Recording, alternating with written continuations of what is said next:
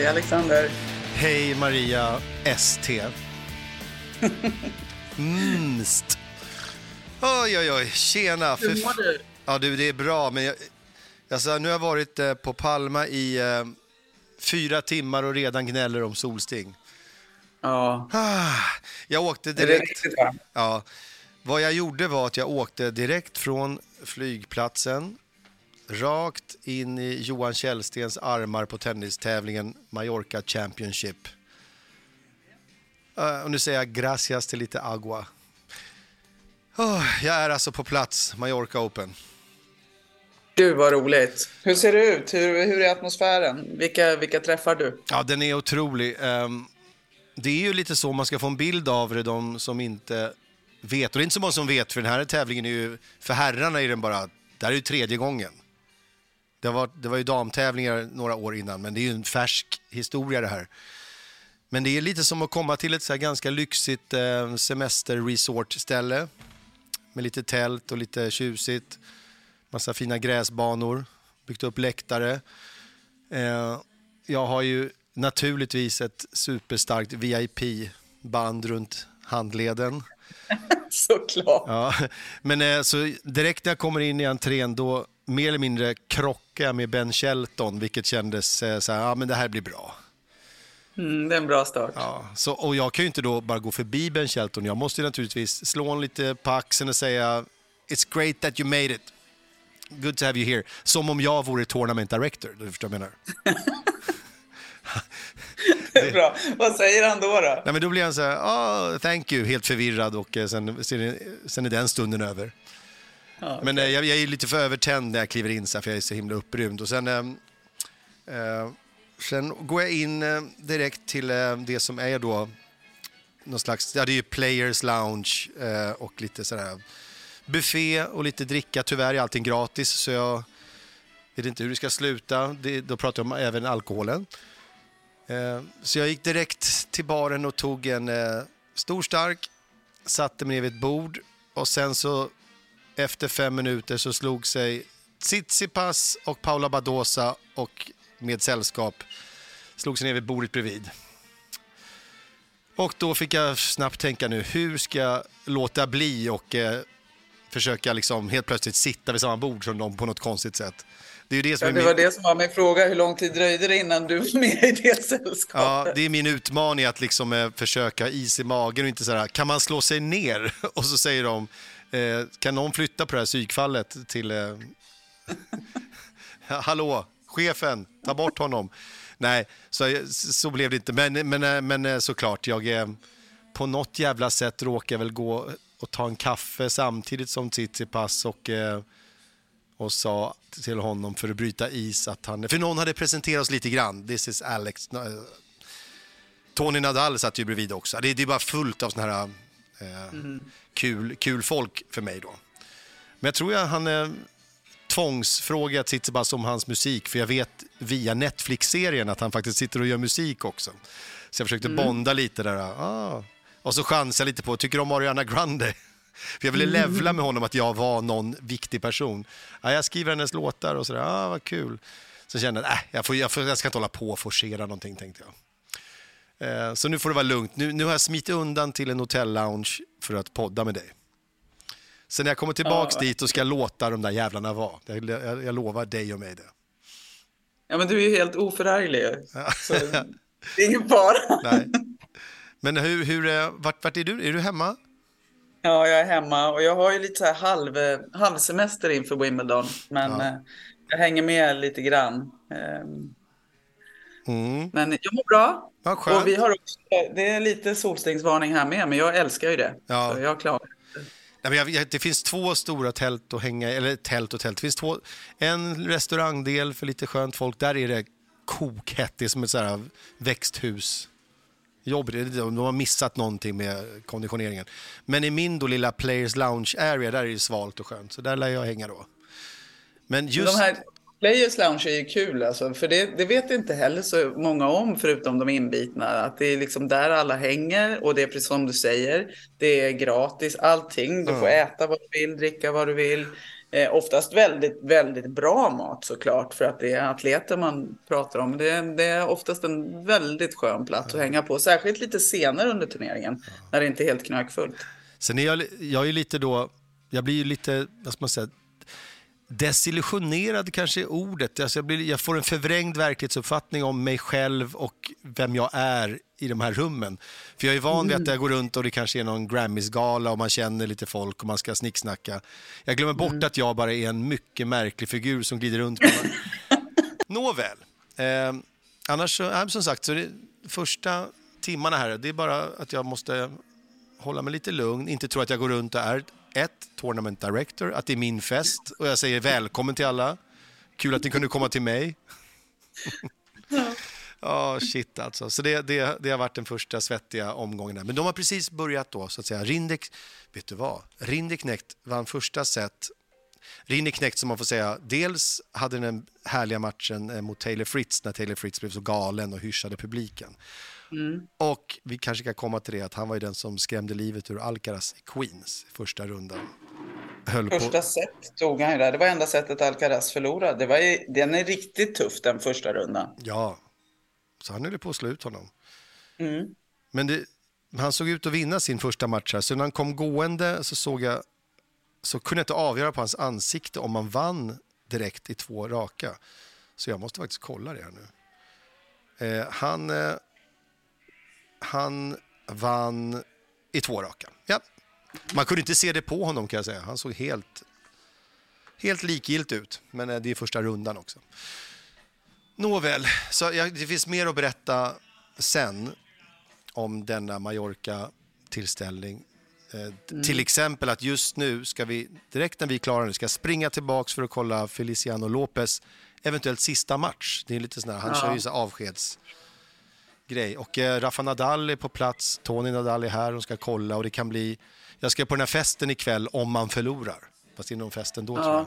Men är det alltså hans allra sista match? Det, det lät som det för festen ikväll, eller så är det bara att han ja. festar varje gång det är sista matchen på alla, alla turneringar. Men det känns som det är hans sista på riktigt. Liksom. Men för han, vad jag förstod så valde han ju ut några turneringar som hade betytt extra mycket under det här året nu när han ska sluta. Som till exempel vill han ju spela Queens där ja. han har vunnit flera gånger.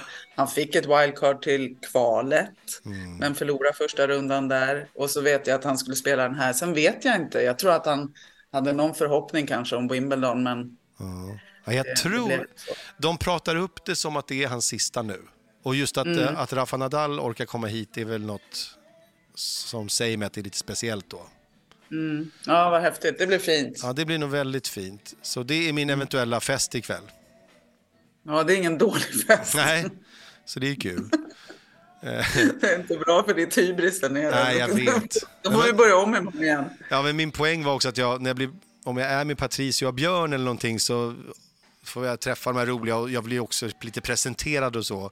Så nu har jag liksom kommit in i någon lunk att jag är så här, tjena, tjena, till alla som kommer. Christopher Eubanks är ju här, den här äh, gänglige, underbara amerikanaren som är fan, han känns som han är 2,40 lång. Mm. Eh, han är här också. Mm. Och Bublik, äh, vi gör så här, eftersom Bublik är här mm. så, så, börjar vi med det. Jag är ju, vi måste berätta om vad som har hänt förra veckan. Eh, ja. Och då säger jag så här, en ledande fråga, vad fan hände med Bublik, varför är det så kul med Bublik? Ja, men det är en bra ledande fråga. Mm. Eh, han vann ju en turnering, så han fick ihop den här nivån som man som eh, tennisfan önskar att han ska få ihop, där han kan både leka och leverera. Ja. Och det gjorde han ju rejält, kan man säga, förra veckan. Ja.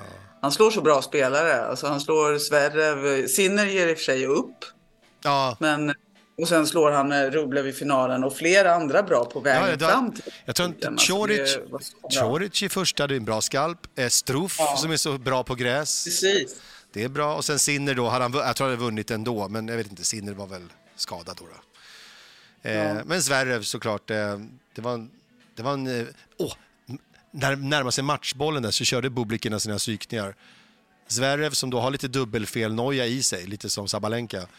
När han slår bort sin första serv, där är alltså matchbollläge, då går han fram och ställer sig i servrutan mer eller mindre och väntar på andra serven. Och det är mm. så jävla provocerande. Och Zverev liksom slår en lite halvskakig så han returnerar in den och sen vinner han. Så han ja, det var, han vann på det sättet han ska vinna eh, mot Zverev och mot Rublev. Nej, mycket starkt. Och vi pratade, du och jag, rätt mycket om Bublik för eh, kanske en, fem veckor sedan. Ja, precis. Ja. När vi pratade om hans ambitioner, var det inte det? Exakt, exakt. Ja. Och, och jag till och med, jag tror att Bublik var den som var närmst mig i, som tennisspelare. Ja, men du har ju fortfarande dina bästa år framför dig. exakt. Ja. Så jag, jag, jag, tog det personligt eh, där med att Bublik vann. Jag kände mig som bra, min Bublik. Bra där. Mm. Nej, men man blir glad. Och jag älskar ju såna här som gör något lite annorlunda och sådär. Men samtidigt när man ser någons potential och kanske att man inte tar hand om den, mm. blir det också lite frustrerande. Så jag är jätteglad att han vann. Nej, men det var bokstavligen vad du eh, sa där, att det vore kul. Han, lite så här, han kanske vill ändå. Man ska inte, han vill nog vinna, han vill nog mer än vi tror. Och han, mm. han, han la liksom till ett slags fokus som var det här, jag vill vinna. Så är det bara. Jag vill längre. Mm. Så vi kanske har någonting nytt framför oss. Sen, eh, vi får se hur det går här eh, på Mallorca då. då. Ja, för honom. men samtidigt med honom kan det ju vara så här ja, som det är med många. De kan gå hela vägen men de kan också försvinna direkt. Ja. Alltså, så, så tycker jag det känns med väldigt många numera. Och vad det beror på. Det, ibland är det ju en ojämnhet hos vissa spelare, men det är också otroligt tufft. Det är så tufft där ute. Det är många som faktiskt eh, den här veckan, det är många roliga som har då kommit långt och vunnit, men sen är det fullt av sådana här som äh, åker ut. Det kan vara Medvedev som åkte ut, Pangchov direkt. Mm. Eh, intressant detalj, Medvedev, det var, han förlorade också, det var lite förnedrande sätt när det är matchboll och han springer fram mot nät och blir passerad och ramlar framför nät på ett sådär... Medvedev kan också ramla på ett fult sätt. på ett så riktigt som en älg som blir påkörd. Så ser det ut när han ramlar. Så han ramlade liksom på ett så förnedrande sätt framför nät och fick ställa sig upp och skaka hand. Så han förlorade på ett förnedrande sätt. Han tog det bra ändå. Han är ju cool Medvedev. Men jag tror inte han, han, han är lite fåfäng. Han gillar nog inte att snubbla på en matchboll sådär. Nej, klart han inte gör. Nej, men, ähm, men då ska vi se. Ja, men Halle, det var ju fett och det är ju 500 poäng nu för tiden. Det var ju 250 förut, men det är 500 så det är bra. Mm. Ja, den är stor. Ja. Liksom Queens också. Liksom Queens, Men de, precis. De, precis, samtidigt tror jag de gick från 250 eh, till 500 när de höjde poängen där. Ja, det vet jag inte riktigt, men så det kan det vara. Ja. Men, eh, och där då man undrade om Carlos Alcaraz i London ska lyckas visa lite kvalitet på gräs. Är det dags för att han visar att han kan vara en seriös Wimbledon-utmanare till Djokovic? Mm. Och då fick vi svaret att han ställdes inte på superstora prov, men absolut tillräckligt. För att han fick ju möta... Ja. Alltså han, som, som vi sa, den här Rindeknecht som jag då stötte på här för en kvart sedan. Han mm. höll ju mm. på att vinna och slutade honom direkt i första rundan. Men någonstans där vet vi att Carlos han styr upp det i sista tiebreak där. Det är lugnt. Ja, men det är ju tiebreak avgörande. Där kan ju liksom sagan vara slut och frågetecknen kan vara ganska stora inför Wimbledon. Men det som var häftigt att se, det var hur otroligt mycket bättre han blev. Hur tryggare han blev just i hur man rör sig på gräset. Ja. Eh, under hela turneringen. Alltså han slår ju ut Lehetska, Dimitrov och Korda. Och Korda, det var framförallt det. Nu, nu sägs det att Sebastian Korda inte, han hade något knas som det kan vara. Inte ja, just i den matchen ja. Men Nej. fram tills dess, gisses ja. vad han spelar nu. Ja, det var så fin seger mot, och Dimitrov var en fin seger. Och sen mot Deminor som då spelar superbra tennis i finalen. Och också mm. så här, rör sig snabbt och lite... Han är som Alcaraz på att han är lite svagare. Ja, han har inte lika mycket att ta till. Liksom. Nej, inte exakt. Stor repertoar tycker jag. Nej, men det blir långa matcher när de spelar och det blev en ganska lång match nu också. Ja, 6-4, 6-4, men den tog sin tid. Men det var en jättebra match. Mm. Och det var, det, om Alcaraz själv hade lite fundering, det här var bara hans tredje turnering på gräs. Han mm. har spelat Wimbledon två gånger. Exakt. Eh, och, Så om han själv hade funderingar så tror jag inte han har så mycket funderingar Nej. längre. Utan han, han behärskar det här. Han är så pass bra i tennis helt enkelt. Ja. Så. Hans tre, men vill... Du måste liksom hitta fotfästet på gräset. Det är det. Och ja. det är inte, hur bra du än är så behöver du liksom känna dig trygg i hur man rör sig. Man såg trygg ut här mot slutet. Det var ju skönt. Väldigt. För oss som vill ha honom långt i Wimbledon. Du vet, han, eh, han vinner alltså en grästurnering på tredje försöket och då har de du har kollat upp det, du vet, när det gäller de stora tre, Djokovic, Federer, Nadal, de, det tog dem kanske 10-12 turneringar innan någon av dem, när de var små, vann en grästurnering. Mm. Så att han är snabb mm. där också. Att han gör allt. Ja, han är det. Han är ruskigt snabb. Men en liten så varning igen. Han har vunnit första set, så tog han in fysion, har någon känning, mm. så här insida låret. Jag, jag tycker han har lite för mycket ont. Ja, det är Holger Rune och Alcaraz, det är samma sak. Det är de här de två vi tror så mycket på för framtiden, de får inte hålla på och ha så här krampiga beteenden med... Det ska gnidas lår för mycket. Tränar, Nej, tränar de för hårt? Vad fan gör de? Nej, men jag tror att det är... De... Ja, de tränar för hårt. Det gör alla elitidrottare, mm. skulle jag nästan höll jag på att säga. Alla de här ligger på gränsen. Mm. Så det är det här och plus att de är ganska unga, det är hett, det, det, finns så mycket att välja mellan. Alla, alla vill att de ska komma till alla turneringar eller alla events. Det är, så, det är sån belastning som de så snabbt måste lära sig att eh, behärska. För annars blir det för slitsamt. Exakt. För jag menar, det känns som Medvedev tränar fys, men han tränar mest känns det som så här, lite uthållighet och kondition och andning. Han är liksom en smart, han springer och sliter också, men han ser aldrig ut och han gömmer ju också att han blir trött på något sätt, Medvedev. Han gömmer lite sin ja. träning, ja. tror jag. Han kör, Medvedev kör, det är bara att han har inte... Ja, jag tror inte han är född på samma fysiska planet som Alcaraz och Rune. Liksom. Det är helt andra du, förutsättningar där. Det är kul, Kristoffer Eubanks, han ser ut att nästan inte ha någon, någon muskel. Han ser, han är ett skelett som går omkring. Han är så jävla smal för sin... Lång och smal, det ser liksom skumt ut. Men han är ja. skitrolig. Han hade också så en supermatch mot Hurkacz som aldrig... Han, han, han försökte hålla i matchen i ett, ehm, ett oerhört långt tiebreak i andra set som han vann med typ 14-12 eller något. Där. Mm. Det var superunderhållande, men sen förlorade han ändå matchen mot Hurkacz. Mm. Men han, är, han har en sån sensation, energi i sig, Eubanks. När som helst kan han... han kan, jag vet inte om han dyker upp i Wimbledon helt plötsligt och går till så kvartsfinal. Man vet aldrig. Eubanks är kul. Nej, kan vara en sån där. Ja.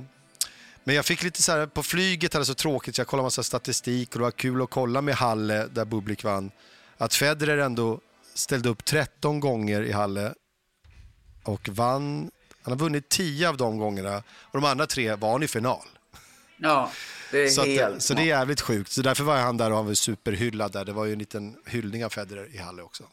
Lite... Ja, det var väl något jubileum av turneringen där. Ja. Otroligt fint av Federer att komma dit. Exakt. Eh. Man kan säga att han får fortfarande frågan från alla, allt och alla. Ja. Nej, men det var jubileum, precis 30 års jubileum och han har ju då, eftersom han har vunnit typ hälften av de åren. Ja. Så, så borde han bli hyllad. Men ett, ja, det var 30 års, det är kul att det är så mycket nu att det var 70 år i eh, Barcelona, 75 ja. år i Båstad nu, 30. Mm. Eh, tre år firar de här på Mallorca Open. Mm. Tredje ja, men man måste ju börja någonstans. Ja. De som firar de här stora siffrorna upp mot 70, och det är ju helt otroligt när man tänker på hur tennisen har utvecklats, att kunna behålla en turnering och, och få den att växa i den takt som mm. den måste göra nu för att liksom få vara på ATP eller WTA-touren. Det är jättefint gjort. Och Queens firar 133. Mm. Den är så fin. Har du varit på den klubben någon gång? Nej, och det sjuka är att jag vill jättegärna vara där, men den som har varit där, det är min fru.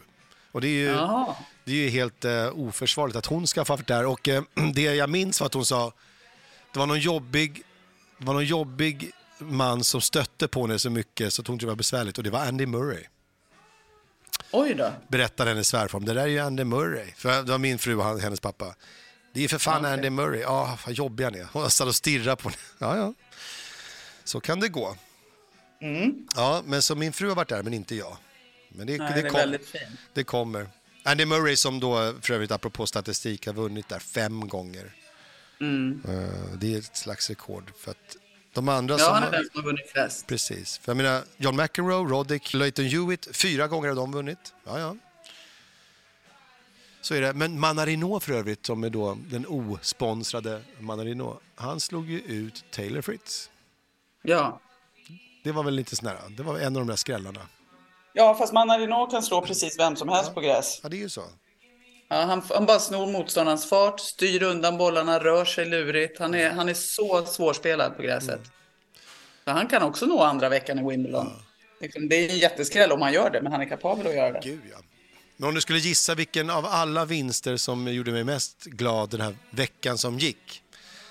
Ja, då, ja, jag skulle säga, jag tror att du kommer säga Ostapenko. Yes! Men jag, men jag, det. kommer säga, men jag kommer säga Kvitova för min del. Ja, Kvitova vann ju för fan. Kvitova vinner. Ja, hon är så jävla cool, Kvitova. Alltså hon kan spela så bra tennis och med tanke på allt, alla känner ju inte till allas historia här, men hon blev ju, hon eh, blev ju knivöverfallen Ja. i sitt hem. Hon kom hem när hennes hem rånades Mm. och får alltså en kniv i sin vänsterhand. Hon trodde aldrig hon skulle spela tennis igen. Det här är bara för några år sedan. Ja. Hon är ju tidigare världsetta och Wimbledon-mästarinna och allt det där Mm. liksom. Men hon kommer tillbaks och kan ju fortfarande spela den mest fantastiska tennisen. Och särskilt på gräs. Ja, Så hon- hon blir jättefarlig i Wimbledon. Hon blir, jag kände det också, hon kommer bli vass. Nu, I och med att Rybakina, man vet inte hur hon känner sig nu. Hon blev utslagen tidigt mot, jag tror Donna Vek, Vekic slog ut henne tror jag. Donna Vekic, som för Eh, övrigt gick till final och förlorade mot... Precis. Ja, så är det. Det stämmer. Så fick Beckett spelade jättebra där. Exakt. Och Sabalenka åkte ut tidigt, första rundan tror jag till och med. Eh, Så du ser, de är inte, de är inte jättestarka, så att, eh, jag tror absolut Kvitova kan vara en supercontender där. Ja, det är ett namn som liksom man ibland glömmer bort. Men när den börjar närma sig Wimbledon, då dyker hon upp som en av de stora, stora namnen verkligen. Mm. Nej, men Rybakina är lite oroväckande. Både att hon har förlorat tidigt, men hon är sjuk igen. Ja. Hon drog sig ur veckan. Så det är lite oroväckande. Men berätta om hur glad du är över att Ostapenko vann. Jelena Ostapenko. Nej, men det var, hon var så cool. Det, hon hade ju, dels fick hon ju fightas lite att eh, var tvungen att slå ut Venus Williams som kändes så här lite heta Ja. på gång.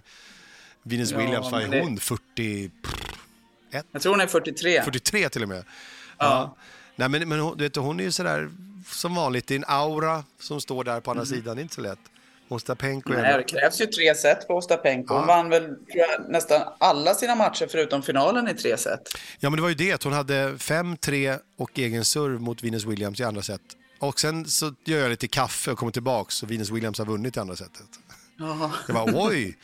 Så jag tror det blir tre set. Men tar sig ända fram till Krejcikova-finalen och eh, lyckas vinna den. Mm. Eh, Så det var väl det coolaste, förutom att Miriam Björklund vann då, det är ju inte så stor turnering, men Ilkley, hon vann, det var jävligt fett för Miriam Björklund. Hon Alltså jag tycker det är jättestort. Det är hennes största. Hon klättrar 40 platser Ja. på rankingen i och med den vinsten och visar att hon kan spela på gräs. Ja, gräs. Och Navarro, Ja, inte- vad kan Navarro vara, amerikanen? Rankad 50-60 typ? Ja, mellan 60-70 tror jag, men jag är inte helt säker. Men det är en jättebra skalp Mm. och ja, jag är så glad för hennes skull. Nu ligger hon 135 Mm. Nu börjar det närma sig liksom Ja. det här 100-strecket som hon har kapacitet att ta sig in på med råge tycker jag. Verkligen. Hennes Det är så kul. Ja, det var jättekul. Chapovalov åkte ut direkt på, på, annan, på annan ort. Ja, Ja, han åkte ut det direkt. knackar på för hans del. Men Ja. det är en sån här kille som man också vill ska få den här kontinuiteten, jämnheten. Gisses vad han kan spela pe- tennis. Mm. Men jättekul för Miriam. Alltså Miriam Björklund, jag kände så här, fan vad kul. Miriam Björklund vann, Ostapenko vann, Kvitova, Carlos Alcaraz vann på gräs. Älskade Mm. Ja. Bublik fick visa att han kan vinna. Det var en riktigt skön vecka. Ja, jättekul så här, som många tar lite som en mellanvecka här mellan Exakt. franska och Wimbledon. Men det var mycket bra och mycket viktigt tror jag som hände. Ja. Ehm, Ja, Verkligen. jättebra. Vet, jag känner nu här, du vet, vi får se hur det blir med Wimbledon om jag ska plåga mig själv och dig. Jag menar, om du, du som behöver få din vila och så, som inte har samma, som tur inte samma maniska behov. Om jag ska liksom våga sno tio minuter eh, så ofta som möjligt. Så varje dag kanske jag tar i, men jag tycker vi hoppas att vi kan höras mycket under Wimbledon. Eh, Många gånger under Wimbledon är väl en bra Ja, ambition. jag menar det. Många gånger. Och eh, annars får jag göra mina mysiga såna här natt, nattsuddarsnack någon gång då och då när jag sitter och pratar själv. Någonstans. Men hur länge är du på den här turneringen, Mallorca? Ja, jag fick vara borta till, jag åker hem på fredag morgon, så jag kommer få se roliga matcher, eh, framförallt imorgon. Alltså Tsitsipas och eh, Eubanks och Shelton och massa matcher imorgon. Och torsdag. Sen får jag nog åka hem på fredag, det är nog inte så mycket att göra åt. Eh, så det blir lite, jag kanske kommer, jag måste nog höra av mig lite imorgon eller övermorgon och berätta om eh, dels om det blir någon Feliciano och eh, Nadal-fest ikväll. Lite Det sånt. tror jag många vill höra om. Ja, lite sån skoj också. Eh, Och sen se om jag då beter mig coolt eller om jag går runt och leker att jag... Eh, du vet, Ricky Gervais, kommer du ihåg den där serien The Office? Ja. Såg du den någonting? ja, jag var inte en sån här Nej. Fanatisk fan som många blev, men jag har sett den Ja, absolut. men han spelar en figur, det går ju lite ut på att han går runt och är lite så här, vill vara kompis med alla och alla tycker han bara är pinsam och man får ångest när man kollar på det för att han går runt och är awkward och, och försöker, vara stu- försöker vara större än han är och så vidare. Eh, jag får akta mig för att hamna i det. eh, jag, måste in, jag måste inse min plats här i det här tennisgänget. Ja, fast jag tycker du har en ganska bra insikt kring Ja. dina knapigheter och det är underbart. Ja, det är viktigt med sjukdomsinsikt, det är sant. Eh, men men eh, vi får se eh, vad jag har att komma med sen. Men eh, lite resultat, men också lite mera bara miljörapport från Mallorca Open. Ja, Eh, sen ska jag berätta mer, jag har lite nyheter om mina... Jag har fixat lite med Wimbledon så att jag har styrt upp jättefint inför Wimbledon också. Det kan jag berätta om sen. det kan jag tänka mig. Ja, så är det. Och eh, jag vet inte, det blir väl nästa år vi åker tillsammans till allting här. Jag vet inte vad vi ska hitta på. Vi får, vi får hitta någon lösning för att det ska kunna ske, men det, är- det är framtiden. Ja. Du, om jag sticker iväg nu så kommer jag se åtminstone eh, slutet på Feliciano Lopez-matchen. Ja, Ja. men gör det. Eh, Och sen så har du det riktigt skojsigt ikväll. det ska jag försöka se till. att. Och kanske vi gör om det här i morgon eller övermorgon. Vi får se om jag, om jag får loss dig från dina sysslor. Det är lugnt. Okej. Det gör vi. Ta hand om dig. Ha så jättekul. Åh, du tar hand om dig. Ja, Ja. Vi hörs och ses snart. det gör vi. Hej då. Hej.